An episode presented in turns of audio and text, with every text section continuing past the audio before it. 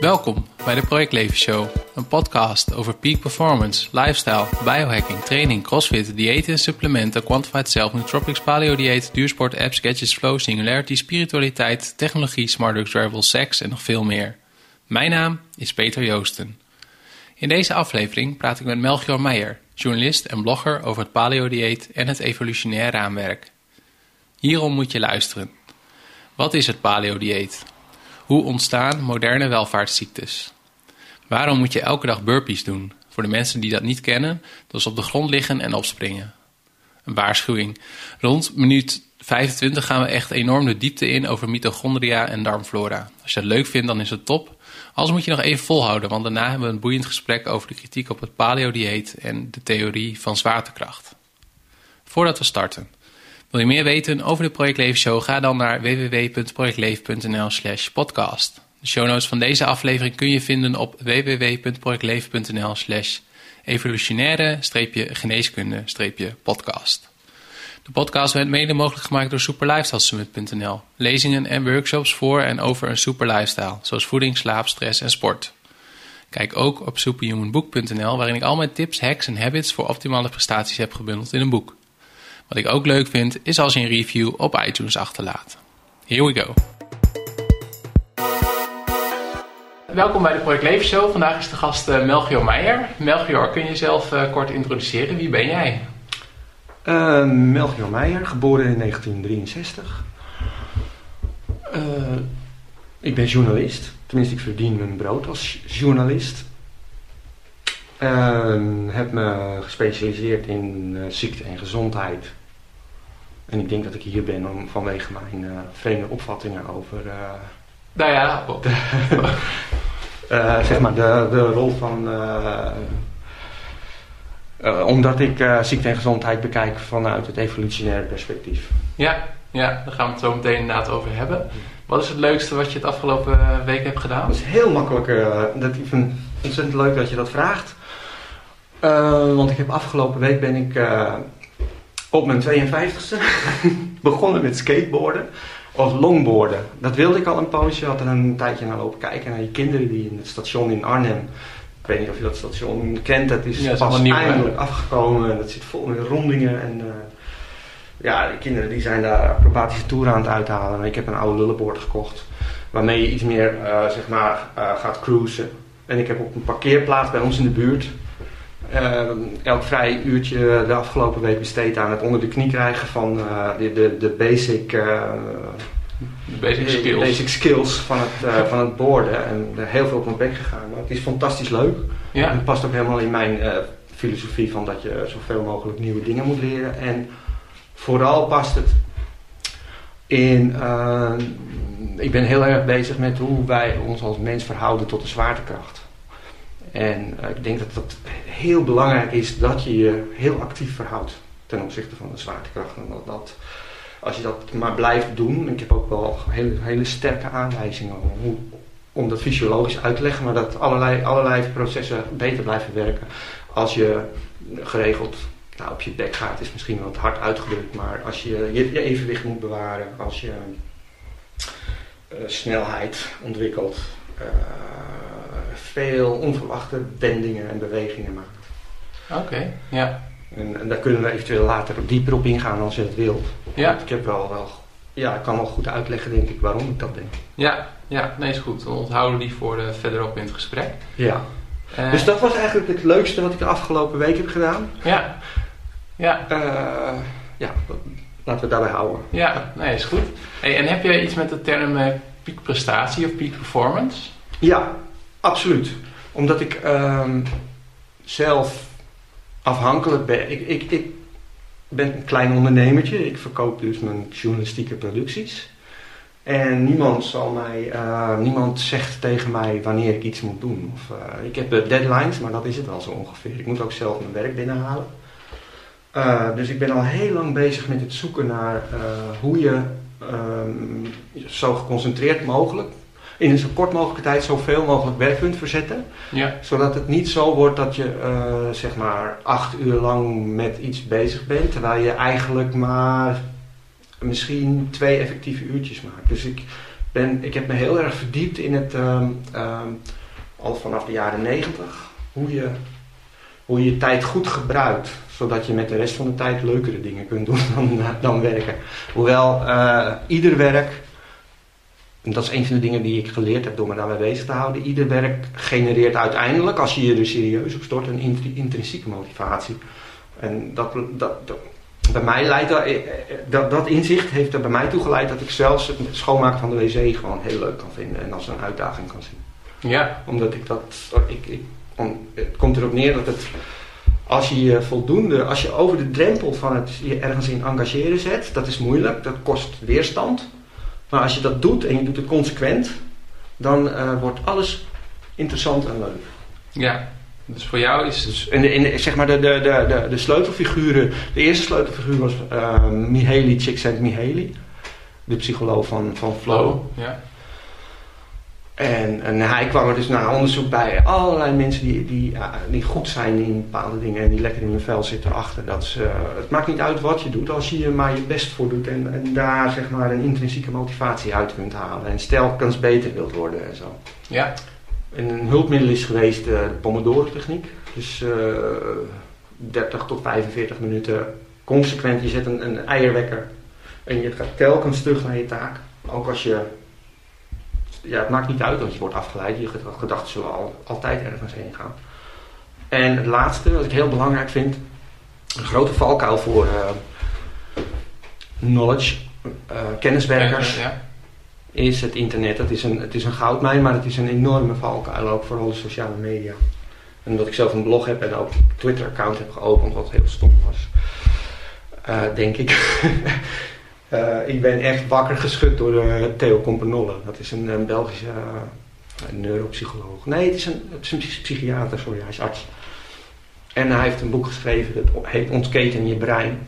En hij heeft mij zeg maar, op iets gewezen waar ik me ook wel van bewust was. Dat het internet, doordat het een, een, doordat het een ja, in principe oneindige bron van informatie is, gewoon verslavend werkt. Ja. Als je niet uitkijkt, dan klik je je hele dag aan gort en je duwt wel veel dingen op, maar je, je, daar wordt je brein, uh, uh, zeg maar, het, het dopamine systeem, het beloningssysteem dat we nodig hadden op de eh, in de oertijd of op de savanne of ach, ja, in het kustlandschap waar we overleefden.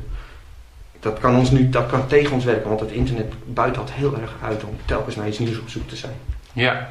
De focus is eigenlijk een beetje tegen natuurlijk. Heel lang op één ding focussen. Ja. Dat is iets heel recents. Ja. Ja, want hoe werkte dat dan vroeger? Dat, want eh, we zijn dus wel zo geprogrammeerd dat we, dat, dat we graag nieuwe dingen... Ja, voortdurend. Want als je, als je in de natuur iets mist, je wil niks missen. Je wil, uh, wil geen tijgers missen, maar ook geen... Uh... Ook geen opportunities, geen kansen. Ja. Dus, dus we zijn... dat, het geeft, iets nieuws geeft altijd een goed gevoel, ook al is het nog zo onbeduidend. Ja, ja. En even kijken, het laatste het, het onderzoek in uh, Mosselbaai van, uh, ik heb altijd de namen vergeten als ik in een interview zit. Hele belangrijke namen die me normaal gesproken direct er binnen schieten, omdat ik ze honderd keer gebruik, die, die ontgaan me nu. Uh, Curtis Marian, dat is de man van, van, het, het van de paleoantropologische onderzoeken in Mosselbaai. Mm -hmm. En hij heeft min of meer gepinpoint dat we daar in die grotten of in, in, die, in die omgeving. Het was een, een het was een landschap dat uh, periodiek aan zee lag en periodiek zeg maar een paar kilometer in het land. Omdat uh, de zeespiegel zich op dat moment heel snel uh, veranderde. Veranderde heel snel, ja. En daar leefden we van zowel jacht als met name mosselen en vis. En daar uh, waren ze bezig met het, uh, al, zeg maar 180.000 jaar geleden. Dat is dus best wel lang geleden. Het waren een van de eerste Homo sapiens mensen, of Homo sapiens. Met het, uh, daar waren, daar, hij kan aantonen dat er toen voor het eerst, dat, waarschijnlijk voor zover we kunnen bewijzen, dat er toen voor het eerst mensen vrijmaakten om dingen te maken, zoals wapens en zo. Een jachtgereedschap. Ja. En dat, daar is het begonnen. En, en, en, en dat, dat was in feite tegen natuurlijk. Die mensen die focusten zich op één ding. Dus het zit wel al specialiseren. in Je ging zich specialiseren, precies. En die kregen daar de ruimte voor van de rest van de groep. Ah, oké. En daar komt dan de term mossel bij vandaan, omdat, die, uh, omdat mensen daar veel mosselen haten? Ja, die, die, die, die, die, die, die resten daar die zijn opgegraven tussen uh, meters hoge bergen met, uh, met mosselen, lagen van mosselen.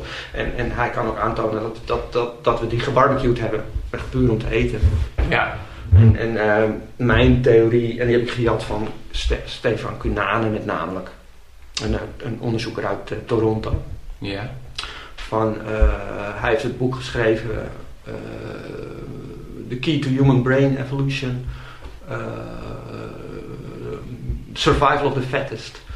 Dus kinderen hebben, zuigelingen en kinderen hebben in vergelijking met andere primaten echt een gigantische hoeveelheid onderhuidsvet. Uh, zijn lang in ketose. Ketose is noodzakelijk voor de opbouw van een gezond mensenbrein. Ja, en ketose is dat je met name op vetverbranding ja, energie haalt. Ja, ja, ja, inderdaad. Ongeveer uh, in het laatste trimester wordt dat vet opgebouwd bij een, bij een foetus. Maar uh, wat, wat, wat, ook heel, wat hij ook heeft aangetoond, is dat ons complexe brein kan alleen maar tot stand gekomen zijn in een milieu met heel veel breinspecifieke nutriënten. En die vind, je, die vind je op deze aarde alleen in een kustlandschap, in die, in die mix. Oké, ja. Ja, dus, dus ik ben er zelf min of meer van overtuigd dat, dat, dat die theorie klopt. Dat we niet op de savanne mens zijn geworden, maar in de interface tussen land en water. Ja, en hoe vertaalt zich dat voor jou in de praktijk? Eet jij elke dag vis? Of? Ja, ik eet heel veel vis en schelpdieren. En dan mosselen? ja, ja, ja, mosselen eet ik elke dag wel eigenlijk. Ja, en wat nog meer? Sardientjes, antjes? Sardientjes, ja. Ja, ja Hollands Nieuw uiteraard. Ja. Hij is fantastisch dit jaar. Ja. Um, en uh, ik zwem heel veel. Want ik merk dat zwemmen mij de beste... Uh, ja, dat vind ik eigenlijk de fijnste vorm van inspanning. Daar uh, heb ik het langste effect van. In de zin van dat ik me beter kan concentreren, daarna relaxter ben. Ja, ja. Ik wil, uh, want we zijn gelijk al de diepte ingegaan, nog even een stapje terug. Ja.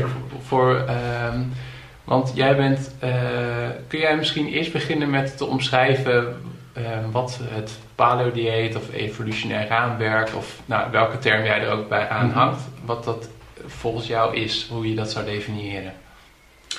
Ja, dat is, dat is best wel simpel uit te leggen. Eh, het is dat ieder levend wezen is geëvolueerd in een omgeving, is, is in een context geworden wat hij is. En dat gaat bij het ene, bij een, ene organisme gaat dat sneller dan bij het andere. Bacteriën evolueren in een dag iets van, weet ik veel. Je snapt wat ik bedoel, denk ik.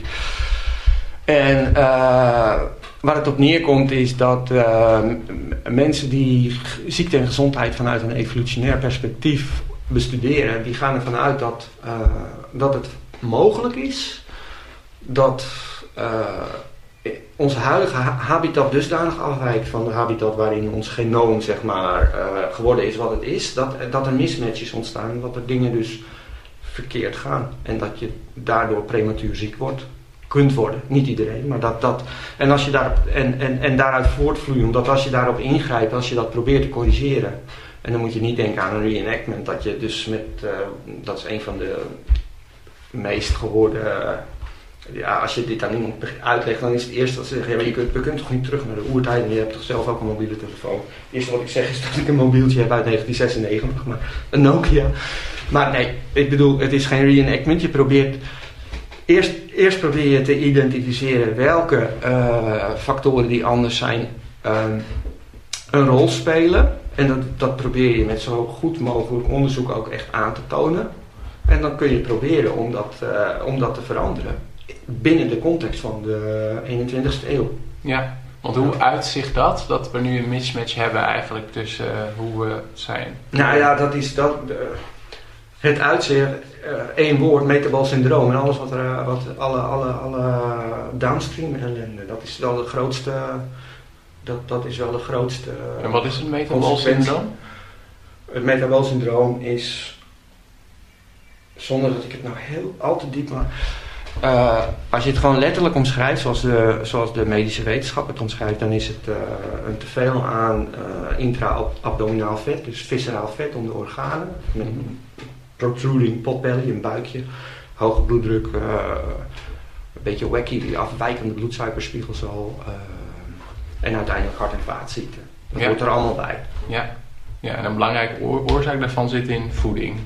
Ja, we gaan het straks nog over andere ja, lifestyle dingen hebben. Voeding is wel de belangrijkste oorzaak daarvan. Ja, ja.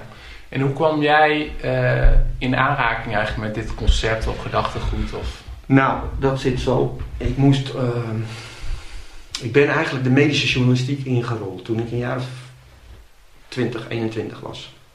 Uh, misschien ietsje later, toen was ik nog stadsverslaggever. Maar toen ik net voor mezelf begon te werken als journalist, of al, al, al freelance opdrachtjes kreeg, kreeg ik de mogelijkheid om een, uh, een meisje te volgen dat borstkanker had. En um, ik mocht haar een paar maanden volgen om daar een, een, een human interest verhaal van te maken. En ik, ik ben daar ben een paar keer per week bij haar langs geweest. En ik Wanneer was begon dat? Daar, 1990 uh, of zo? Even denken hoor. Uh, ja, ik denk rond die tijd. Even goed nadenken. 1990. Ja, ik denk het. Nee, nee, nee, nee. Het was 1987, zo rond die tijd. Ja. Ja. Maar uh, ik, ik ging, begon daar met een beetje zo. Ik wist helemaal niet waar ik aan begon. en uh, dat was echt gewoon een drama. Dat meisje veranderde in, in een hele korte tijd van een heel aantrekkelijke en leuke, intelligente meid met een enorme potentie in een skelet. Er bleef gewoon niets van over. En die dokters die waren ook helemaal. Uh, ja, die, die, die, die, als die bij haar bed wegliepen, dan moesten ze ook gewoon even huilen. Zo erg was het. Ze konden gewoon niks doen. Mm -hmm. toen, uh, toen begon ik mij heel. En, en, en ik heb dat verhaal nooit geschreven, omdat. ja, ik vond dat lijkenpikkerij. Ik kon daar op een of andere manier op dat moment geen, geen fatsoenlijk verhaal van maken waar ik echt achter kon staan. En, en dat, ik zat daar veel te diep zelf in en het had me veel te zeer aangegrepen. Maar op dat moment begon ik te denken, is het normaal dat mensen van in 20 aan zo'n gruwelijke ziekte ten, uh, gewoon ten onder gaan en, en zo worden afgetakeld, gewoon geslacht. Ja.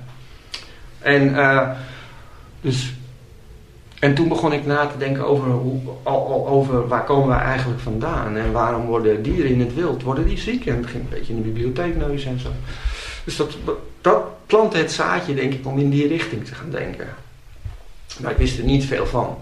Want je was niet opgeleid als geneeskunde? Nee, nee, nee, nee. nee. Ik heb uh, school voor journalistiek gedaan, VWO school voor journalistiek. Uh, omdat ik altijd, ik ben altijd wel heel erg in biologie geïnteresseerd geweest. Uh, maar ja, omdat ze zagen dat ik medische informatie snel oppikte, werd ik daar vaak, werd ik vaak op dat soort onderwerpen gezet. Steeds meer, zeg maar. En ik kwam dus ook steeds vaker in ziekenhuizen en zag alle pathologie voorbij komen en alle narigheid die, die mensen al op veel te jonge leeftijd krijgen. Dus ik ging erover nadenken hoe dat komt. En toen uh, uiteindelijk dat ik echt met het evolutionaire gedachtegoed in aanraking kwam, dat was in 1996 toen ik voor het eerst internet kreeg en een van de eerste zoektermen intoetste op uh, Alta Vista destijds. Ja. En toen kwam ik meteen of vrij snel in een, in een, in een serverlist tussen uh, Loren Cordin onder meer en uh, Staffan Lindenberg uit uh, Zweden. Ja, dus twee van de grondleggers. Twee van de grondleggers. In ieder geval in, in ja. om het Nou, dat was, ging gewoon een wereld voor me open. Wauw, ja, maar dat is, dat, it makes absolute sense. Dit is, dit is, dit is de invalshoek die je moet, moet, moet uh, hanteren. Wil je dit gaan begrijpen, wil je pathologie begrijpen? Ja, en waarom was dat? Omdat, uh, ja, Misschien een beetje een rare vraag. Hoe, hoe bedoel je? waarom dat kwartje zoveel toen? Ja. Nou, omdat zij het hele... Uh, omdat zij met elkaar redeneerden vanuit dat evolutionaire perspectief. Ja. Wat gaat er mis als... Uh, en, en een van de eerste dingen die, die, die ik zag was dat graan waarschijnlijk... We hebben ja, een eye-opener van... We, hebben, we eten pas 10 tot 6000 jaar en op sommige plekken in Europa pas 3000 mm, jaar eten we graan. En zuivel, en melk en zo, van een andere ja, na, nadat we zelf uh, gezoogd hebben, gaan we daarmee door. Hoe normaal is dat? En, en, ja. en omdat ik al snel door had dat je, uh, ze, je komt er niet, je kunt mensen niet overtuigen met alleen maar te zeggen van we deden dat niet, dus is het niet goed. Dus ging ik ook al snel op zoek naar bewijzen ervoor, naar beter bewijsmateriaal. En dat doe ik nog steeds. Ik ben aan het zoeken naar bewijzen dat mismatches tot pathologie leiden. Ja. En bewijs dat als je die mismatches corrigeert, dat dat uh, of een preventief effect heeft of mogelijk zelfs uh, tot uh, genezing kan leiden. Ja, ja. Ja. De, ja, vanaf, vanaf 1996 is dat gaan rollen bij mij, dat echt gaan rollen. En ben ik ben daar heel erg in gaan verdiepen. Uh, kampte heel lang met de frustratie dat niemand het snapte. En zeker journalisten niet, dus je schrijft braaf je verhaaltjes over allerlei ziektes, maar je mag nooit schrijven dat er misschien een link is met uh, onze volstrekt bizarre leefstijl. Hoe kan dat? Nou ja, zeker journalisten zijn meestal heel slecht onderbouwd, medisch onderbouwd. Uh, ze gaan er, in tegenstelling tot in andere disciplines, gaan ze ervan uit dat uh, doktoren en wetenschappers op dat gebied, die weten het best. Dat mag je niet ter discussie stellen. Nee. Mag je niet eens kritische vragen over stellen, bij wijze van spreken. Dus ik heb dat voor mezelf verder, uh, ben ik daarmee doorgegaan. Op een gegeven moment ook een lezing van Staffan Lindenberg bijgewoond in Zweden toen ik daar woonde. Mm -hmm. Ja, ben, ben daar. En zo.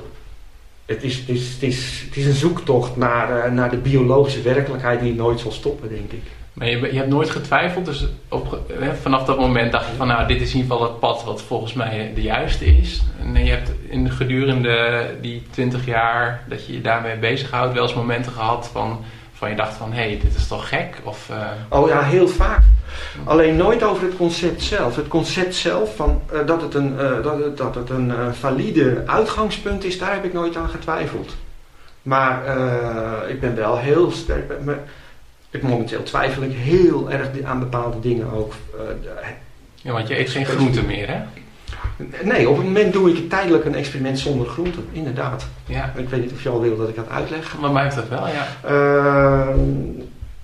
Als, we het over die meta, als we het over metabool syndroom hebben en over alle pathologieën die daar eigenlijk uit voortvloeit, dan zie je dat um, de laatste tijd wordt bekend dat er altijd sprake is van uh, onderliggende mitochondriële dysfunctie. En het hangt er vanaf in welk orgaan of in welk deel van het lichaam. Die mito mitochondriën zijn energiefabrieken van de cellen, cellen, doen veel meer.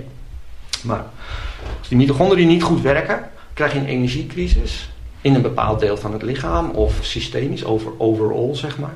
En Mhm. dat kan pathologie uitlokken van diabetes tot, uh, tot kanker. En mensen met overgewicht hebben ook als belangrijkste ken, wat die mensen kenmerkt is dat, ze in hun, vet, dat hun vetcellen afwijken op het gebied van mitochondriële gezondheid. Oké, okay, dus de Ja. mitochondria in de vetcellen ja, en in de spiercellen, ja. Ja, Ja. oké. ja. Die werken niet optimaal. En zijn ehm, qua vorm ook raar. Want vorm is functie, als je het in de biologie hebt. En zeker in, qua mitochondriën. Zien er, onder een microscoop zien ze er volstrekt gemutileerd uit. En ehm, veel minder ook. En ze zijn niet in staat tot een normale mitochondriële biogenese. Dus die, die mitochondriële dysfunctie ligt ten grondslag aan heel veel ziektes. Ja, Uh, zeg maar, alle moderne ziektes worden daardoor gekenmerkt. En, en nu, nu, nu, nu hebben we het over jaren van, uh, van, van, uh, van evolutie qua van kennis, zeg maar. Dus niet de evolutie van de mens, maar Nee, de nee, evolutie van kennis. van kennis. Ja. Die, het, het, zoals ik het nu zie, is het. Uh, want je, dan is de volgende vraag: hoe komt die mitochondriële dysfunctie? Waar komt dat vandaan? En het volgende kenmerk wat al die mensen gemeen hebben, alle mensen met, met westerse pathologie, is dat. Dus westerse welvaartsziektes. Westerse welvaartsziektes, ja. En wat mij betreft kun je ze allemaal metabool syndroom noemen, maar dat, dat, dat, dat is misschien uh, een paar bruggen te ver al op dit moment, maar ik denk wel dat dat zo is. Uh, worden gekenmerkt door een uh, milde endotoxemie. En die endotoxemie, dat betekent een milde vergiftiging van binnenuit, Ja. die ontstaat doordat de dunne darm een te rijk milieu heeft, te veel bacteriën huisvest. Het eerste deel van het gastro-intestinale tract van het darmstelsel? ja, van het darmstelsel, van het spijsverteringsstelsel, wordt relatief steriel te zijn. Um, en uh, waarom ik, hoe ik daarop kom, dat vergt ook weer 10 minuten uitleg. Maar, ik, uh, maar misschien kan ik een link opnemen naar uh, waar dat staat. Ja, nou, laat, laat, ik het dan toch maar even uitleggen. Ja. Even kort. Um, in de eerste helft van de vorige eeuw werd voetstoots aangenomen dat de dunne darm steriel is. Dus dat daar nauwelijks bacteriën voorkomen. En vanaf ongeveer 1970, 80, 90 begint dat te kenteren. En zie je dat in teksten wordt genoemd dat de dunne darm in tegenstelling tot wat we vroeger dachten niet steriel is. Maar uh, dat, uh, ja, dat het ook een, een heeft. En dat laatste dat klopt wel. Maar dat hebben de, uh, die, die term steriel is, is gebruikt destijds in in vergelijking met de colon, met de dikke darm. En dat is, dat is een fermentatievat. Daar, daar, zitten de mee, daar horen de meeste bacteriën te zitten, al die, al die, die, die, die grote kolonies. Maar uh, ik heb gekeken naar, gekeken naar de meetmethode die ze in de jaren 60 gebruikten en die ze nu gebruiken. En die, die, die, die wijken te weinig van elkaar af om te kunnen zeggen dat ze destijds niet konden meten. Dus het is veel waarschijnlijker dat nu vinden ze in een nu vinden ze in de populatie geen mensen meer met, een, uh, met, met weinig bacteriën in hun dunne darm. Destijds was het 70% van de mensen die, die, die, uh, die, die een min of meer steriele, tussen aanhalingstekens, dunne darm hadden. Ja, maar heb je het over 1900, 19... Ja, van 1900 tot 1960 ongeveer. En daarna begon, dat, begon die verschuiving, langzaam maar zeker. En ja. stapten ze ervan af dat een steriele darm, nogmaals tussen aanhalingstekens, want er zitten altijd wat bacteriën, maar dat dat normaal was. En, en gingen ze er werd het zeg maar common knowledge dat de dunne darm een, een, rijk gevarieerde microflora heeft. Um, en mijn, mijn, mijn, mijn, mijn werk, mijn hypothese is dat um, de meeste mensen in de westerse wereld uh, hebben een te rijk microbiome in hun dunne darm. Daar zitten gewoon te veel bacteriën. En gaan we niet eens in op de samenstelling van, die, van, die, van die, uh, al die geslachten. Want dan, dan, dan, kom je helemaal in een oerwoud van uh, onverklaarbare en tegenstrijdige. Dus da, daar hou ik me niet mee bezig. Wat misschien nog wel leuk is, is dat ik ook een podcast heb opgenomen over de darmflora. Dus ja. linkje zal ik opnemen, maar ga door met je verhaal. En um, mijn theorie is dat als, dat als die microflora in de dunne darm, dus wat microbioom, als dat te rijk is, dan is alles wat dat microbioom voedt, uh, te veel voet is, uh, doet de fysiologie de verkeerde kant op schieten en, genereert pathologie. En met name vezels volgens mij.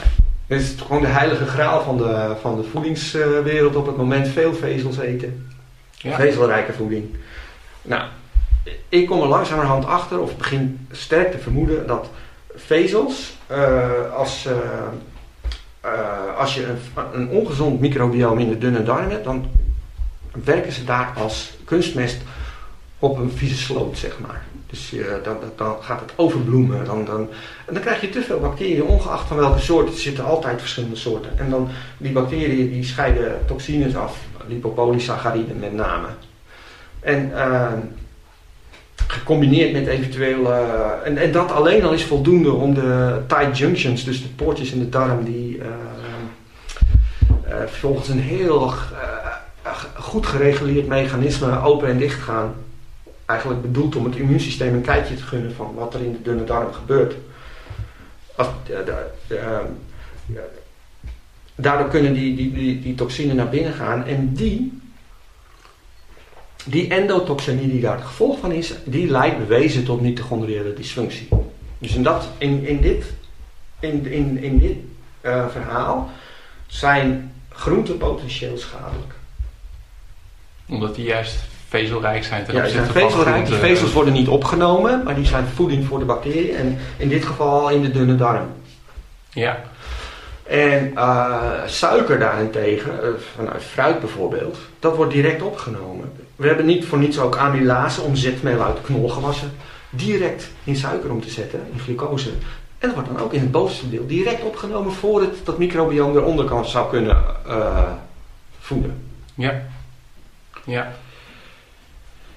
Ja, dus jouw experiment is nu wel fruit? Mijn experiment is fruit en vlees. Vis, ja. Dus dierlijk voedsel en behalve zuivel. En, en, uh, maar ik heb ook, ik heb zelfs geëxperimenteerd met witbrood nu, puur voor mezelf.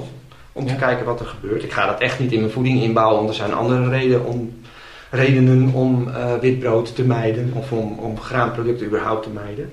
Maar om even te kijken wat het doet. Uh, heb ik daar, ben ik daarmee aan het testen op het moment. En datgene waar ik heb één klein dingetje, een gezondheidsprobleempje, waar, dat ik als eikpunt gebruik. En dat is een, um, ja, costochondritisachtige pijn. Ik weet niet of je ja, dat, zegt. zegt. Oké, in de borstkas, tussen de, de aanhechtingen tussen de, de, de, de, de ribben en, de, het borstbeen en achterop op de rug, zeg maar. Die, die kraakbeenverbindingjes. Ja. En alle spieren daaromheen, die zijn eigenlijk bij mij vanaf mijn 16e al stijf en en, en, en pijnlijk soms. En dat is een vervelend punt om, uh, om pijntjes te hebben, omdat je altijd aan je hart denkt dan. Ja, ja. Ik bedoel, sommige mensen die het heel erg hebben, die belanden op de eerste hulp, omdat ze gewoon van overtuigd zijn dat ze, de sensatie is eigenlijk niet goed te onderscheiden van een naderend hartinfarct. Dus dat is iets wat ik niet echt leuk vind.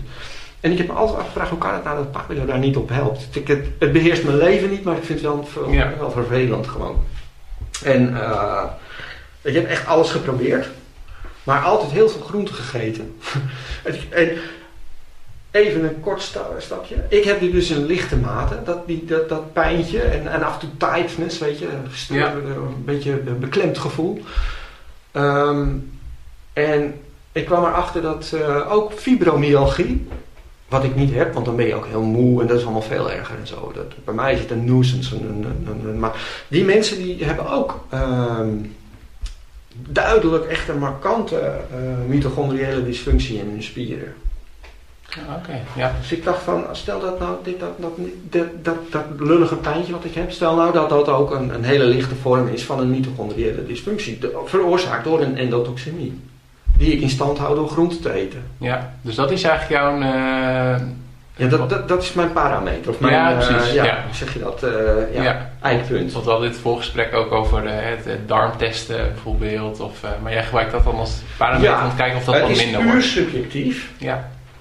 En um, ja, het kan een enorm placebo-effect zijn. Maar ik ben dus gestopt met groenten en twee dagen later was die pijn weg.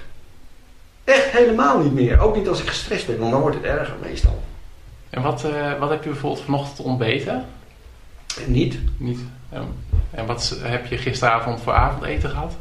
Gisteravond heb ik, uh, ja, omdat, uh, zal, zal, ik eerst even zeggen hoe, hoe mijn eetpatroon ja. er normaal uitziet. Ja, nou, wat ik, normaal, normaal, voor jou. Gesproken, normaal gesproken had ik uh, rond deze tijd, dus een, dus een uur of twaalf denk ik bijna, mijn eerste maaltijd. En dat is dan meestal wat sardientjes en een hele berg salade en mosselen en uh, ja, wat er zo aan paleo-achtige ja. levensmiddelen voorhanden is op dat moment. En nu uh, doe ik dat ook, maar zonder die groenten. Maar omdat ik ervan uitga dat fruit wil gegeten worden, het fruit dat wij appealing, het fruit dat wij aantrekkelijk vinden, wil, wil door ons gegeten worden. Omdat het en bevat, is? Of? Zeg je? Omdat het lekker omdat het zoet is? Of? Ja, omdat het energie geeft. Het is zoet en het is energie die direct wordt opgenomen. En het bevat helemaal niet zoveel vezels als uh, groente. Mhm. Dus het is geen, uh, biedt weinig substraat voor bacteriën die downstream uh, die, die eventueel daar niet horen. Ja. dus dat, dat, dat liet ik erin. En het effect was het effect was dat die pijn dus wegging. Ja. Direct. En, daar, en, en om te kijken of, uh, of het zelfs zo is dat witbrood, wat ook direct wordt opgenomen, er zit geen vezel in bijna. Of dat een effect is. Nou, nee, er gebeurt niets. Ik merk er niets van. Eet ik daarentegen groente, dan komt het weer terug. Hmm. Ja. En er is nog een andere mogelijkheid. Groente bevat veel uh, op uh, oxaalzuur en salicylzuur. En dat zijn mitochondriële giffen, toxines. Die remmen de respiratie van de mitochondriën. Dus die, die remmen de, van zuurstof afhankelijke uh, oxidatieprocessen van vet en suiker, vet en glucose de mitochondriën. Waardoor, waardoor je dus een, een, een, een uh, fermentatie, waardoor ze eigenlijk alleen nog maar kunnen fermenteren. Dus dat zou een optie zijn. Ik heb altijd gedacht dat die, die, die, die, die schadelijke fytochemicaliën in groenten, die uh, gezond zijn omdat ze een lichte stressor vormen. Uh, net als bijvoorbeeld metformine, een diabetesmedicijn. Dat, dat is een mitochondrieel vergif, maar maakt dat de mitochondriën sterker worden en talrijker. En ik heb dat al zeker 15 jaar denk ik dat dat zo is, en dat daarom groente eten gezond is. Maar toen ben ik, pas, pas recent ben ik echt gaan kijken naar de, naar de evidence daarvoor en die is er niet. Dat is in proefdieren doen groenten juist het omgekeerde. En, en remmen inderdaad de mitochondriële respiratie en, en leiden tot mitochondriële dysfunctie in zekere zin. Dus het zou kunnen dat dat hele paradigma van groente eten is zo fantastisch gezond en zoveel mogelijk vezels, dat dat eigenlijk niet klopt. En als je het vanuit evolutionair perspectief bekijkt, is het misschien ook helemaal niet zo logisch dat wij op zoek gaan in het wild naar, dat we onze tijd gaan verdoen met het zoeken naar groenten die destijds überhaupt giftig waren. Want de groenten die we vandaag eten zijn zo dusdanig uh, gekweekt dat, uh, dat, uh, dat, dat ze ons niet meer direct killen, zeg maar. Ja, maar voor mij is dit best wel, want ik eet samen met mijn vriendin denk ik nu drie, vier, vijf jaar paleo, semi-paleo. Ja. Um, en ik heb wat me triggert, ik doe dan maandelijks andere experimenten. Deze maand hou ik me bezig met Western Price. En wat ik ook heel interessant vind, is dat hij bijvoorbeeld ook naar de Inuit uh, heeft gekeken. Die hebben natuurlijk ook aten helemaal amper groenten of geen groenten. Um, wat mij tot mijn vraag brengt. Uh, als dit zo is, dan is het eigenlijk nog een stap verder eigenlijk dan de paradigma shift die mensen überhaupt hebben van het gewone dieet richting het. Ja, dit is niet verkoopbaar. Dit, is niet, dit, dit ga ik ook niet aan de, echt aan de grote klok hangen. Omdat ik eh, denk ook maar niet. Het komt wel op de podcast. Het komt op de podcast. Ja, het is wel belangrijke informatie. En, en, en, en, en, en uh, een van de dingen die ik ontdekte was dat een, uh, een, een, een, een huisarts in, uh, in Engeland, Claire Morrison heet ze voor de mensen die het willen opzoeken die, die ontdekte bij zichzelf, die kreeg, ook, die kreeg dus fibromyalgie-achtige klachten plus uh, chronische vermoeidheid. En die ging ook logisch redenerend, ging zij, uh, kwam zij op het idee om groenten uit te bannen en was binnen een week van al haar klachten, waardoor ze niet eens meer kon werken, verlost. Weet je? En er zijn heel veel, er zijn dus sporadisch zijn er meer van dit soort waarnemingen van mensen die wel weten wat ze doen. Psychiater Georgia Eat is er één van Diagnosis Diet. Spreekt ook op het Ancestral Health Symposium in Boulder in uh, augustus. Ja, ja, maar ik zal de linkjes ook opnemen in de ja, show notes. Ja, ja. En, uh, en, en, en, en, en, zij ziet het ook, zij ziet ook effecten op depressie. Dus weglaten van ja. vezels en, en, met name oxalaat en salicylzuurrijke groenten op, uh, op depressie. Ja, depressie is ook puur een vorm van mitochondriële dysfunctie. Ja. En uh, heb je dit gesprek ook wel eens gevoerd met vegan, vegetariërs, veganisten? Nee. Nog niet? Uh, nee. nee. En ik denk ook niet dat dat voor iedereen geldt. Okay. Ik, het zou best kunnen dat. dat Oké, okay, ik, ik ontdek nu, stel dat het geen uh, gigantisch placebo-effect is, want dat mag je niet uitsluiten met, bij een NSE. Kom on, het kan zijn dat ik ja. dit in het hoofd haal en dat het een psychogeen verhaaltje is. Ja, NSE omdat je het echt op jezelf. Juist. Ja. dan en het is, het is ook een subjectief licht klachtje eigenlijk. Het, het, het, uh, maar toch, voor mij betekent het wel veel dat ik dat nu niet heb. Ja. Uh, ik heb ook het gevoel dat mijn gebit beter wordt. Mijn, ietsje, ja.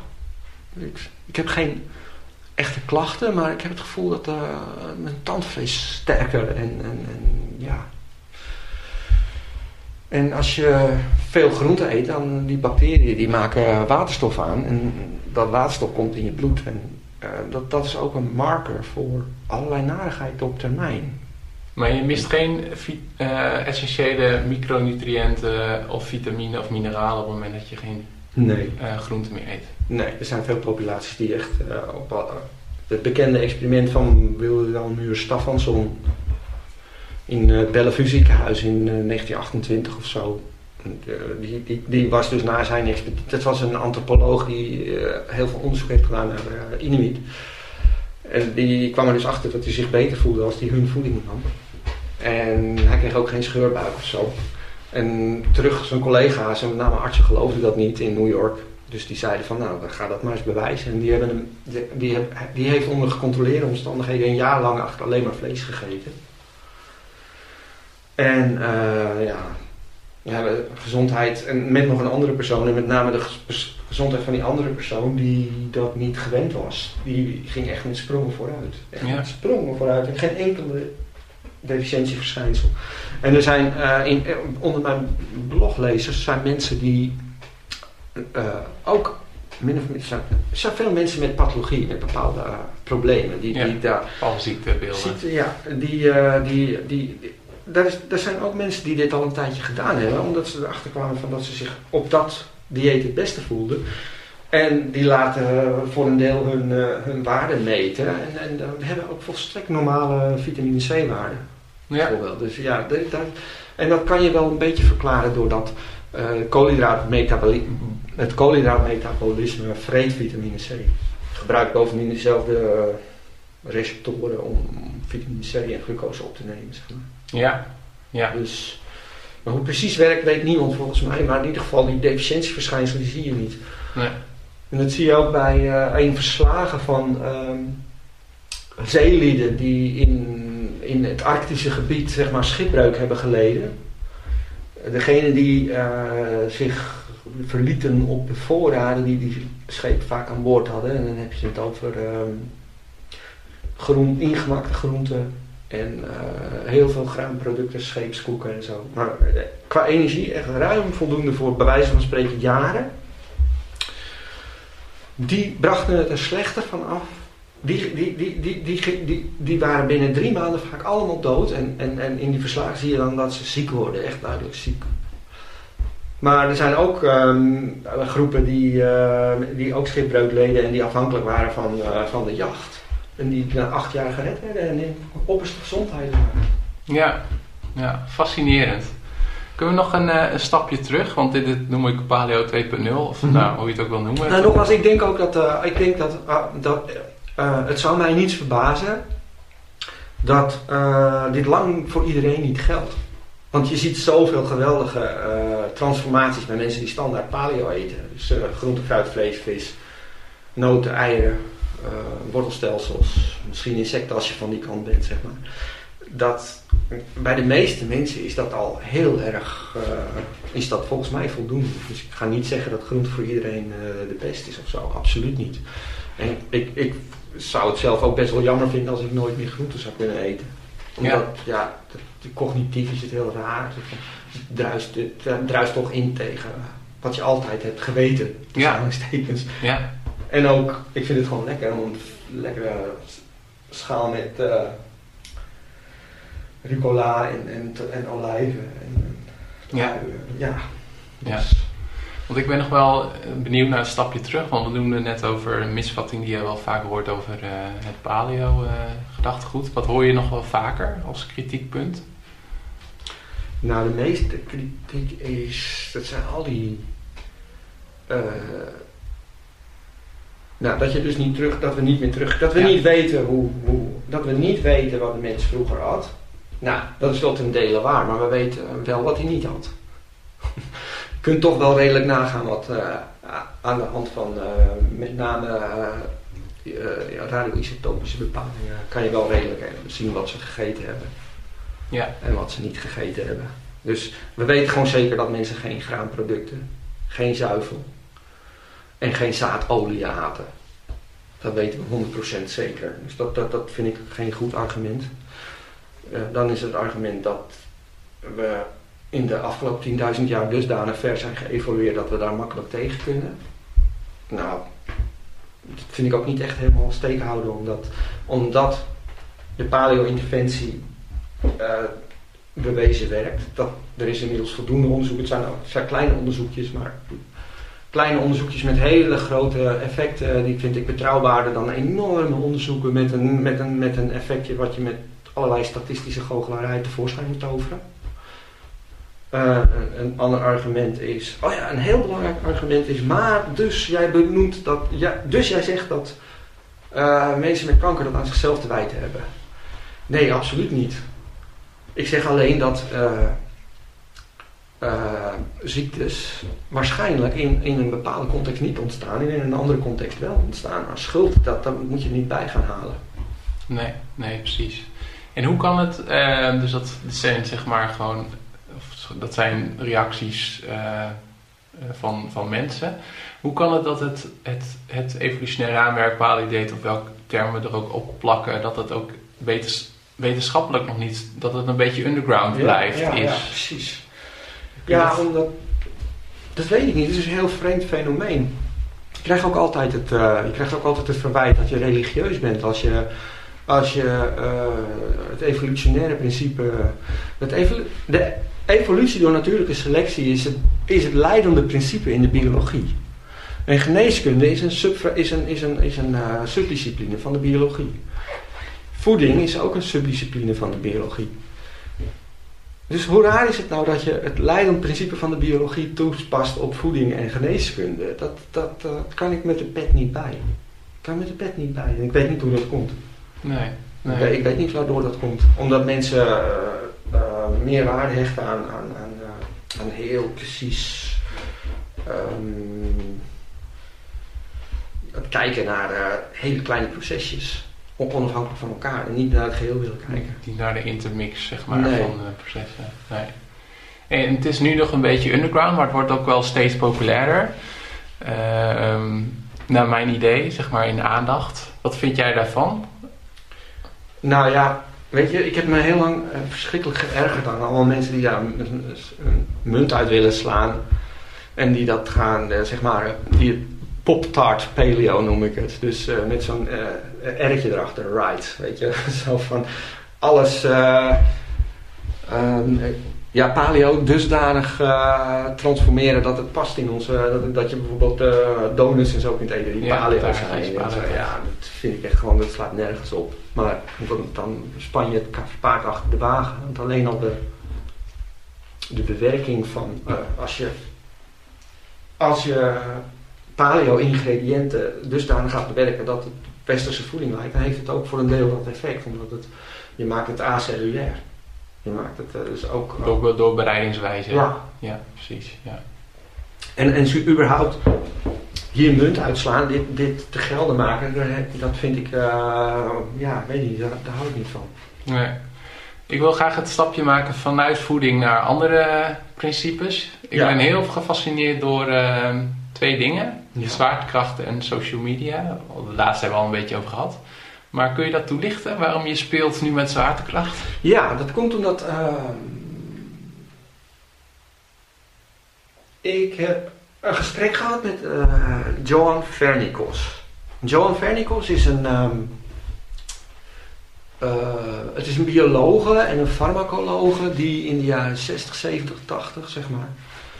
Ze is al best wel oud dus heeft zij uh, voor NASA gewerkt en heeft de effecten van zwaartekracht onderzocht. Van, want ze stonden voor het, uh, het gegeven dat, dat mensen in de ruimte aftakelen. En het leek er alsof, het leek, leek gewoon alsof heel erg veel sneller verouderde dan op aarde. Dus botontkalking, spierafbraak. En uh, zij is een van de pioniers van de eerste van de bedruststudies. Dus zij um, legde, ja, in de ruimte, het is nogal kostbaar omdat wij onderzoek echt in de ruimte te doen. Dus zij uh, legde jonge gezonde mannen uh, gewoon gedurende een maand of zo in bed. En uh, ja, kwam er al heel snel achter, want als je in bed ligt, dan lig je horizontaal en de zwaartekracht trekt dan door jou, trekt maar door een heel klein deel van je lichaam heen. Dus de zwaartekracht heeft eigenlijk best wel veel minder effect op je als je ligt dan, dat je, dan wanneer je staat. Ja. Veel minder. Nou, ervan uitgaan dat mensen zijn geëvolueerd met die zwaartekracht, bedacht uh, Vernikos dat, dat liggen, dat, uh, dat als die zwaartekracht um, zeg maar zo gering aan je trekt doordat je de hele tijd ligt, dan is dat een mismatch. Nou, dat bleek ook, want die mensen die, mensen die vertoonden alle pathologie die tegenwoordig met metabool syndroom samenhangt. Dus spierafbraak, opslag van vet op de verkeerde plekken. Uh, een, een, een um, verslechterend glucosemetabolisme. Dus, insulineresistentie, die, die, die, hele, die hele trein van die cascade van fysiologische reacties, die ook, die ook gewoon, ja, die bij metabol syndroom maar die krijg je als je mensen plat legt. Dus ongeacht wat ze aten? Ongeacht wat ze aten, ja. ja Interessant. Ja, ja, uh, maar op de, eh, door een soort hunch die ze had, uh, besloot ze dat ze één groep had van jongens en die moesten iedere, uh, wat was het? Ik geloof ieder uur of zo even opstaan en weer gaan liggen. Verder niks. Ja. Alleen maar even opstaan en weer gaan liggen.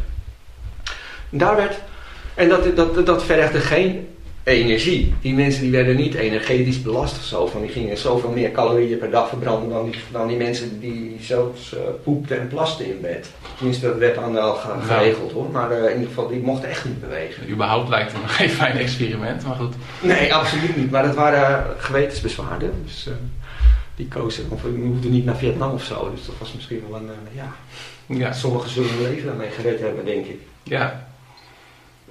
Anyway, die, ze wist niet waarom ze dat deed. En, maar tot haar stomme verbazing, die groep die dus e, om het uur, ik weet echt niet, niet precies de tijdsinterval, maar die periodiek even mocht opstaan en weer gaan liggen. Die uh, voorkwam bijna al die metabole ellende die die mensen die de hele tijd lagen wel hadden, wel kregen. En ze kon dat jarenlang, decennia lang kon ze niet, bed niet bij. Hoe kan dat nou? Want ze hebben, zich niet, ze hebben niet meer energie verstoot dan die anderen. En toch, al die pathologie die werd, was veel en veel minder. Echt beduidend minder. En uh, toen las zij een paar jaar geleden een onderzoek van Nederlanders. Die hadden de nervus vestibularis van muizen doorgeknipt. En die verbindt zeg maar, het evenwichtsorgaan met bepaalde delen van de hersenen. En die muizen, waar die, die zenuw was doorgeknipt. Dus dan krijg je geen evenwichtsinput vanuit het slakkenhuis, vanuit het evenwichtsorgaan naar de hersenen. Ehm, binnen, binnen enkele dagen zo'n metabool, uh, diabetes, metabool syndroom, spierafbraak, alles. De, de hele mikmak. Serieus? Ja. En toen viel bij haar het kwartje. Zij zag, en dit is, dit is nog een theorie, maar ik ben ervan overtuigd dat het klopt, dat haar inzicht correct is. Zij zegt, het is niet zozeer de, uh, het gebrek aan beweging wat als je in bed ligt, zeg maar, die pathologie veroorzaakt. Het is het uitblijven van um, interactie met de zwaartekracht. Het uitblijven van het signaal van het evenwichtsorgaan naar de rest van het lichaam via de hersenen. Want dat zag ze, die doorgeknipte nervus vestibularis. Dat zag ze bij degene, bij de, degene die dus in bed bleven liggen. Die hadden gewoon geen signaal vanuit. Die verhielden zich niet op de zwaarte. Ja, voortdurend in één positie. Weet je, dat evenwichtsorgaan lag voortdurend in één positie ten opzichte van de zwaartekracht. Die mensen die om, de, om het uur even opstonden, die hadden telkens een impulsje. Even opstaan, dus rechtop. Een verandering van de, van de houding ten opzichte van de zwaartekracht. En het probleem bleef uit. Tegelijkertijd was een, en dat weet zij ook was er een collega heel, in, in, in, een heel ander deel van de Verenigde Staten, bij een heel ander instituut. En die deed onderzoek met uh, centrifuges. En die zag dat als je proefdieren in een centrifuge zet, met diabetes bijvoorbeeld, en je geeft ze drie keer de zwaartekracht, vijf keer de zwaartekracht voortdurend, dan verdwijnen die, die klachten. Ze krijgen een sterk skelet, hun uh, bloedsuikerhuishouding wordt normaal. Kortom, eigenlijk is haar boodschap je moet in je leven, als je gezond wil blijven, is het heel belangrijk dat, dat, dat, je, dat, uh, dat slakkenhuis, dat evenwichtsorgaan, zoveel mogelijk beweegt gedurende de dag ten opzichte van de zwaartekracht. Oh, heel interessant. nou, en dat maakt dat ik dus, ja, freeletics is heel goed, want dan, uh, dat is bijvoorbeeld burpees. Zijn, waarom zijn die zo effectief? Ik denk omdat, voor een deel omdat je, ja, Jij gaat straks iets vragen. Ik laat, jij gaat mij straks vragen. Uh, als mensen straks hun oortjes uitdoen, wat moeten ze dan volgens jou direct gaan doen? Dus dan bewaar ik maar eventjes. Wat ik nu wil gaan zeggen, bewaar ik maar tot die laatste. Oké. ja. Want dat is echt belangrijk. Maar uh, ik denk dat, dat, en daarom ben ik gaan skateboarden. Daarom probeer ik zoveel mogelijk me ten opzichte van de zwaartekracht te, te verhouden. En daarom denk ik ook dat standing up is een, is een vooruitgang. Standing-up workdesks zijn een vooruitgang ten opzichte van de hele dag op je kont zitten, maar het is effectiever om, want dan sta je toch nog steeds in één houding ten opzichte van de zwaartekracht. Ja. Dus ik denk dat het effectiever is om af en toe eventjes uh, flink te bewegen tussendoor. Ja. Even, uh, ja. ja. Nou, interessant. Bij mij gaan er drie, uh, drie haakjes of drie lichtjes veranderen. Ik heb bijvoorbeeld ook een podcast gehad ook met Lucia Mina van Oergezond Bewegen. Dus het gaat inderdaad ook over, zij zeggen ook van de beste positie is dat je blijft bewegen. Ja. Het tweede wat ik me ook bedenk is, we hadden het in het begin van de, presentatie, van de um, podcast over flow. Dat ik heb laatst ook een, een, lezing gegeven over flow. En het gaat ook heel erg over dat, heel, dat je sneller in flow komt op het moment dat je je lichaam eigenlijk elke keer in andere posities brengt. Okay. Precies van wat jij zegt. Ja, ja. Okay. En derde is dat ik, uh, ik doe dan zelf aan crossfit. En daar zijn dingen zoals handstand doen. Ja. En, uh, nou, ja. dat, is dat lijkt op freeletics. Ja, ja freeletics, ja. ja. Freeletics is voor mij echt een openbaring. Want uh, ik ben voor mezelf heel tenger. Maar ik heb toch wel wat spierweefsel opgebouwd sinds ik dat doe. Eigenlijk nu twee jaar. En ik doe het niet eens zo volgens het boekje, dus niet met apps en zo. Dat zou jij uiteraard wel doen, want het is helemaal, het is helemaal quantified zelf, dat Freeletics. Ja. Allerlei apps en, en, methodes om te tracken wat je doet. Maar ik doe het heel, heel krakkemikkig gewoon. Uh, ik bedenk... Wat is de laatste Freeletics oefening die je hebt gedaan? Training, workout? Uh, de Afrodite. Denk ik. Nee, de, ik begin ook de, die, die, die, namen te, te, vergeten. Maar het is, het, is een, het is een oefening van, die heb ik vanochtend gedaan. 50 burpees, 50 keer optrekken, 50 keer opdrukken, 100 keer opdrukken, uh, 150 squats, uh, 50 keer buikspieroefeningen, dus uh, hoe heet die, uh, sit-ups. Sit-ups, ja. En tot slot nog een keer 50 burpees. Ja, ja. En heb je... Uh, ja, dat, dat, is één grote voor je, voor je evenwichtsorgaan. Dat in het begin was het mij zo, toen ik daarmee begon wist ik dit nog niet, hè? Nee. Dit van die... Uh, maar een van de eerste dingen die me gebeurde was dat ik knetterende oren kreeg. Er was iets, net alsof er iets stuk gegaan was in mijn oren. Alsof ik bij een concert geweest was wat te luid was. Zoveel kracht geeft dat. Dat je op de vloer laat vallen. Dat, uh, ja, je weet, neem aan dat je weet hoe een burpee eruit ziet. Ja, je laat je op de vloer vallen, baf, vangt hem op en gaat weer terug. Ja, dan, dan genereer je gewoon vier, vijf keer de zwaartekracht. Ja, ja dus je deed het al. Trekt gewoon 5G. Zonder dat je wist uh, ja. wat eigenlijk het effect was. Ja, en nadat ik uh, met haar heb gecommuniceerd en zij dat vertelde, was wel een extra motivatie voor me om ja. te blijven doen. Het zit hem dus niet alleen in het gebruik van je spieren, maar vooral ook dat het je verhouden tot de zwaartekracht. Ja, ja dus op het moment dat we willen, de aarde willen verlaten als mensheid, dan hebben we eigenlijk nog wel, zijn dit belangrijke dingen om rekening mee te houden. Ja, dan zullen we op zijn minst een, uh, een, een, een centrifuge mee moeten nemen ja. die, die een, een uh, die een zwaartekracht nabootst, of misschien zelfs wel meer dan een zwaartekracht. Want dat, ja, ik zag toen, toen zij begon te vertellen over die onderzoeken met centrifuges, zag ik ook direct uh, wel ruimte voor zakenlui. Die, je, je, zou uh, je zou een opstelling kunnen maken, of het, moet technisch mogelijk zijn om een, een, een zeg maar een, cabine te maken waarin, het, waarin je van alle gemakken voorzien bent. waarin je bijvoorbeeld drie keer zwaartekracht genereert. Gewoon zo laten rondtollen. Dan wordt, je hebt geen zicht naar buiten. Dan wordt de bodem, of de, wat dan de muur is, als je zeg maar een verticale centrifuge hebt. Die draait verticaal rond, of horizontaal rond. Een horizontale centrifuge. Of maakt niet uit, mag ook verticaal, zoals een reuzenrad bijvoorbeeld. Maar als je daar cabines in maakt en je laat hem tollen, dan wordt de, uh, dan wordt de vloer die haaks op de middelpuntvliedende, middelpuntvliedende kracht is het, hè? naar buiten toe ja. staat. Dat wordt, de, dat, wordt, uh, dat wordt de vloer, dat wordt onder voor de ja. mensen die daarin zitten. Dus als je die met anderhalf of 2G laat rondspinnen, dan kun je mensen daarin zetten en dan komen ze van hun overgewicht af. Ja. En worden gezonder. Ja. Je geeft gewoon een dosis extra zwaartekracht. Ja. Heel interessant.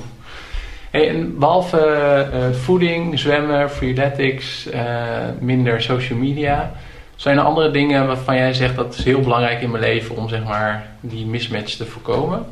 Nou ja, de, de, de, de, de voor de hand liggende dingen zoals voldoende buiten zijn, voldoende blootstelling aan, aan uh, ja, zodat alle foto-elektrische processen waarvan we de helft nog niet bekennen, dat die goed plaatsvinden. Aan zonlicht bedoel je? Uit zonlicht, ja. ja, ja, ja. En ja, sociale contacten. Ja. Goed, goed sociaal netwerk is erg belangrijk. Dat is wel duidelijk.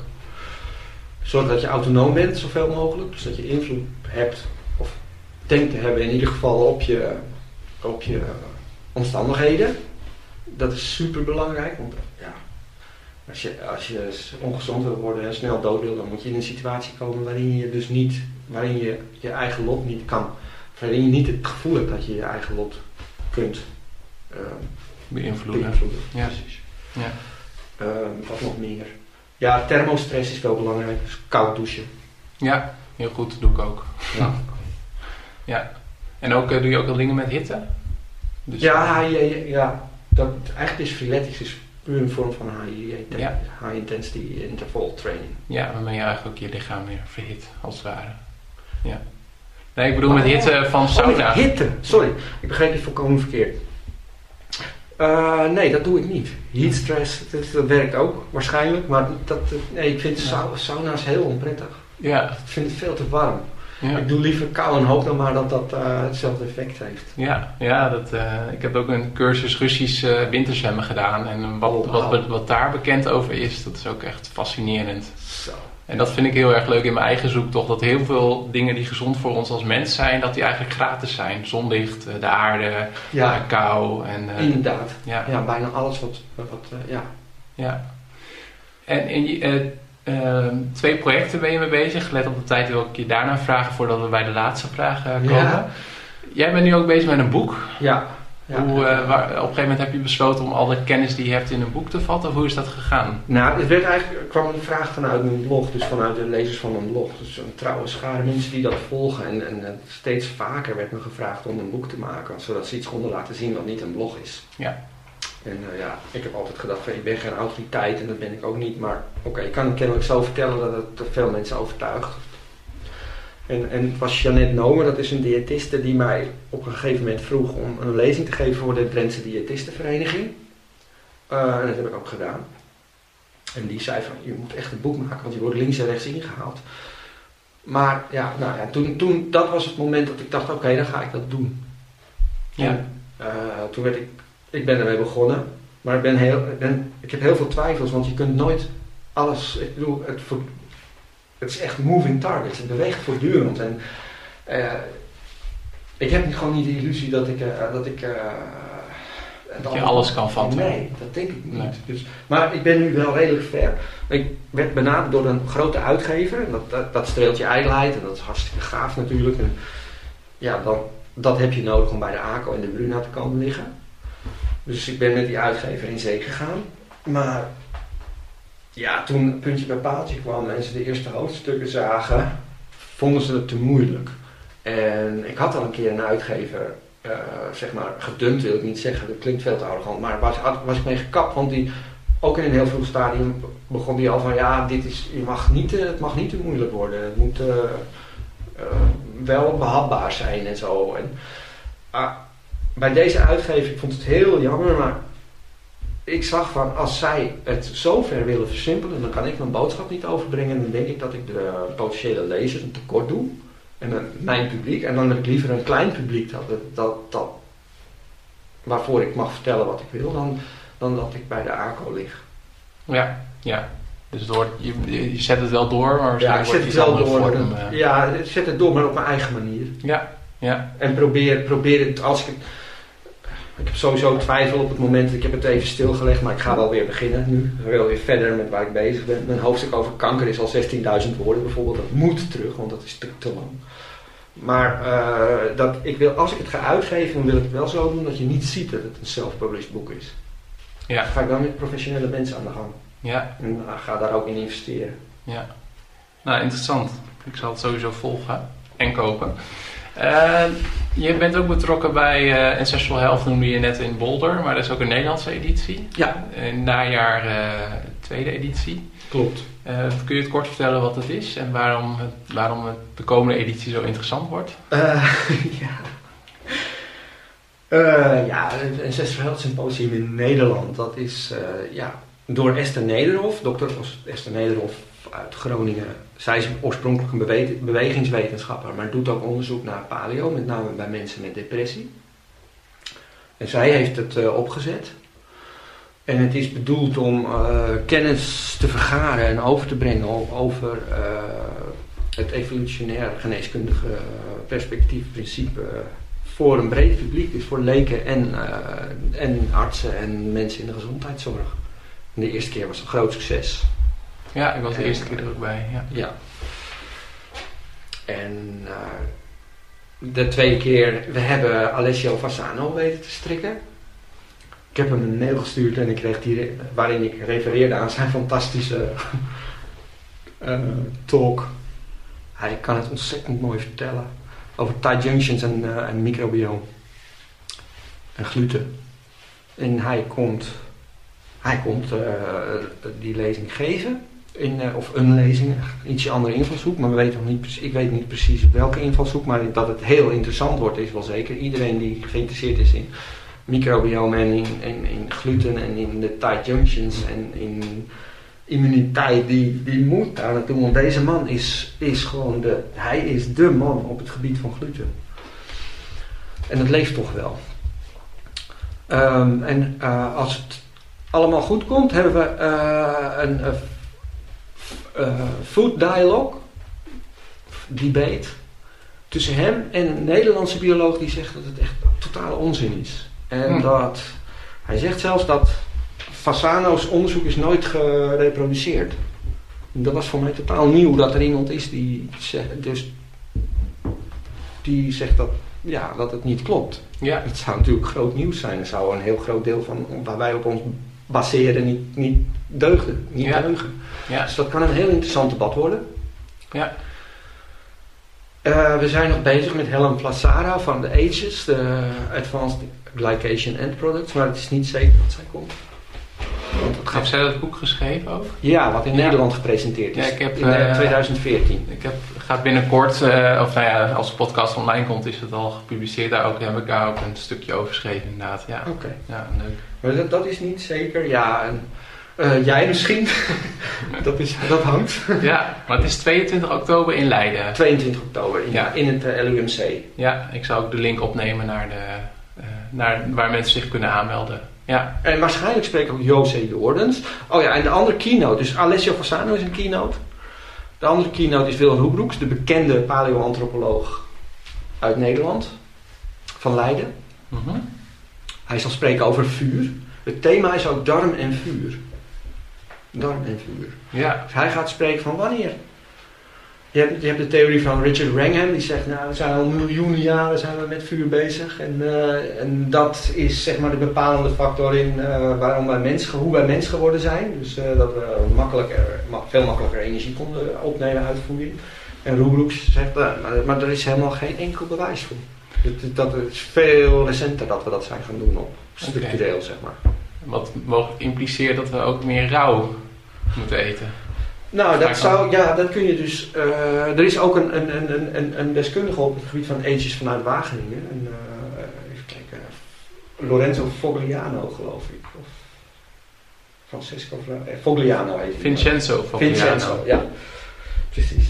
En die, die komt ook spreken. Komt ook spreken, ja. En, maar er is dus die, die interactie tussen vuur, darm, ages daar, daar, daar zal het veel over gaan op het symposium. Ja, ja. Interessant.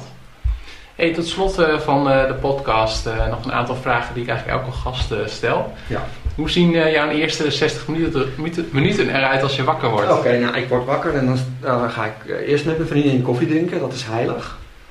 Dan ga ik of zwemmen, dus fiets ik naar het zwembad, of uh, ik zo op een veldje met allerlei toestellen in de buurt dat is Arnhem gewoon een perfecte stad. Dus ik heb zo'n bootlegveldje in de buurt met uh, bars en zo. Ja? Ja, dan zijn we 60 minuten al. Dat zijn ja. Heb jij ook een gewoonte uh, die andere mensen bizar, raar of vreemd vinden? Uh, ja, ik denk het wel. Omdat ik gebruik als ik bijvoorbeeld onderweg ben, dan gebruik ik het stadsmobilair om even wat oefeningen te doen en zo. Ah, oké. Dat, ik probeer mezelf een beetje in te houden, maar het kan dus voorkomen als ik in de trein zit en ik, of in de trein sta op het balkon van de trein dat ik me aan het optrekken ben aan de deur en dan komt er iemand en die denkt, dat is dit voor een idioot of zo, weet je.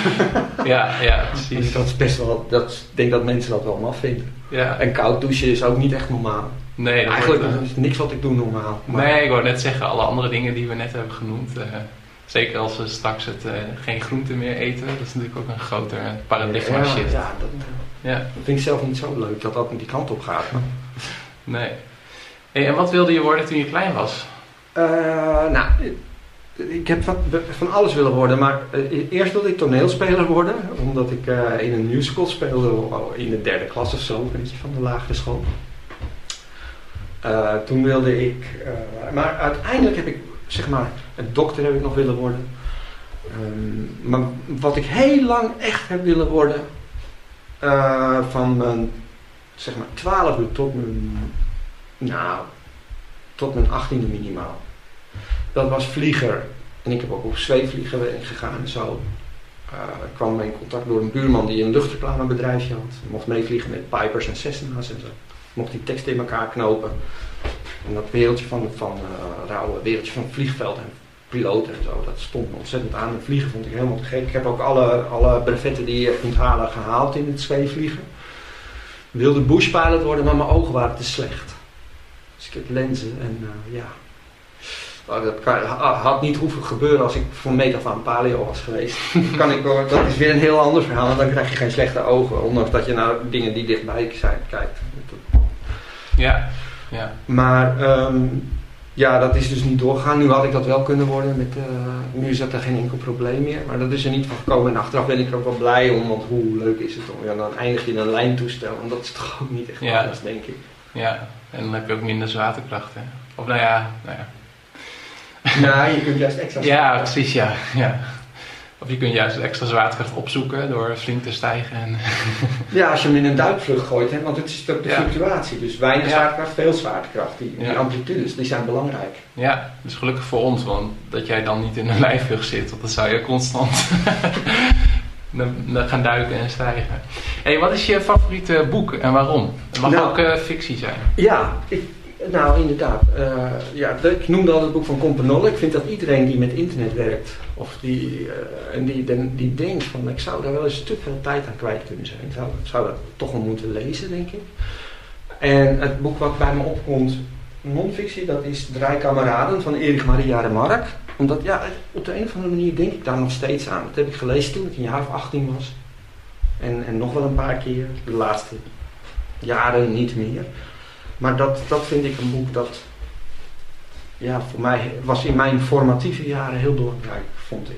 Die, die, die vriendschap die daar wordt beschreven in, het, in, die troost, in dat troosteloze interbellum, dus die, die, die uh, periode tussen de Eerste en de Tweede Wereldoorlog. Van drie mannen die vrienden zijn geworden omdat ze in de loopgraaf hebben geleefd en dat toevallig hebben overleefd, zeg maar. En die een graasje staande houden. Uh, en, en, en uh, de hoofdpersoon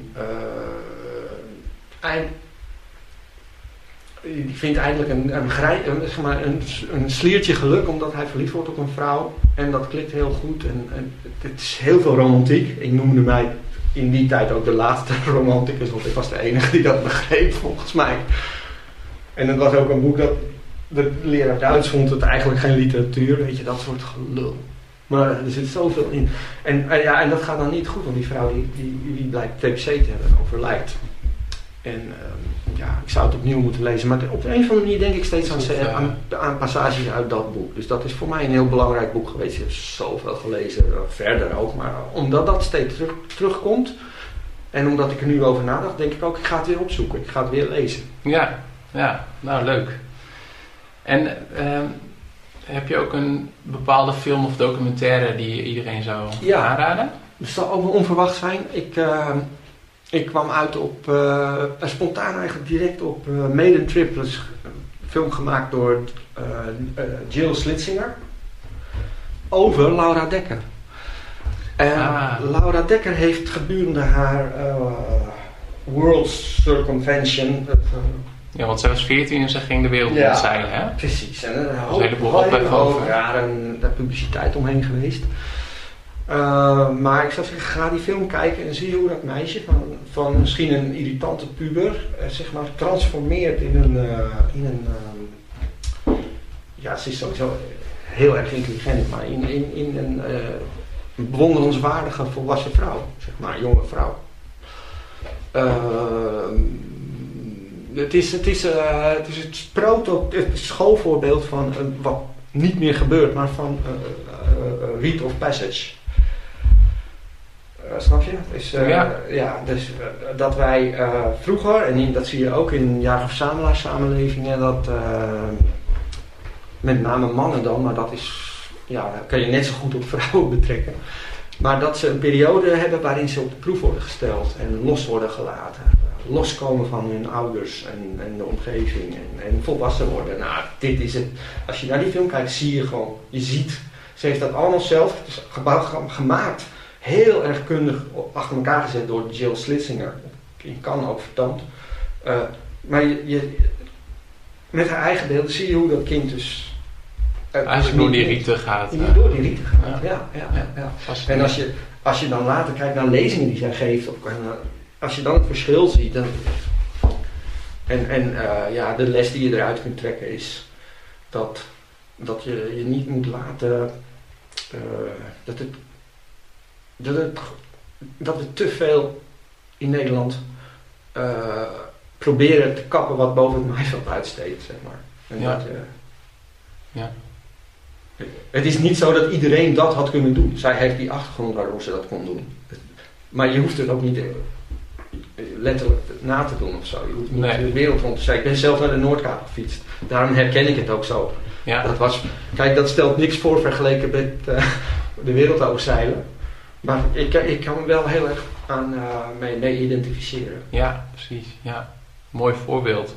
Heb je, wat is je favoriete website, blog of podcast? Ja, er zijn er best wel veel.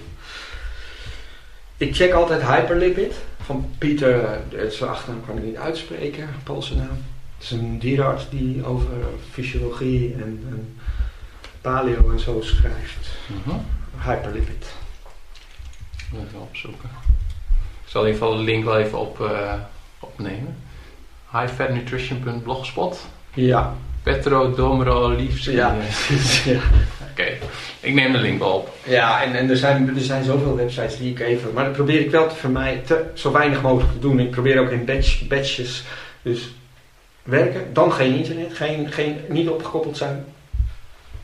Uh, en, en, en, en, en een strikte tijd, afgebakende tijd voor het afsurfen van het web.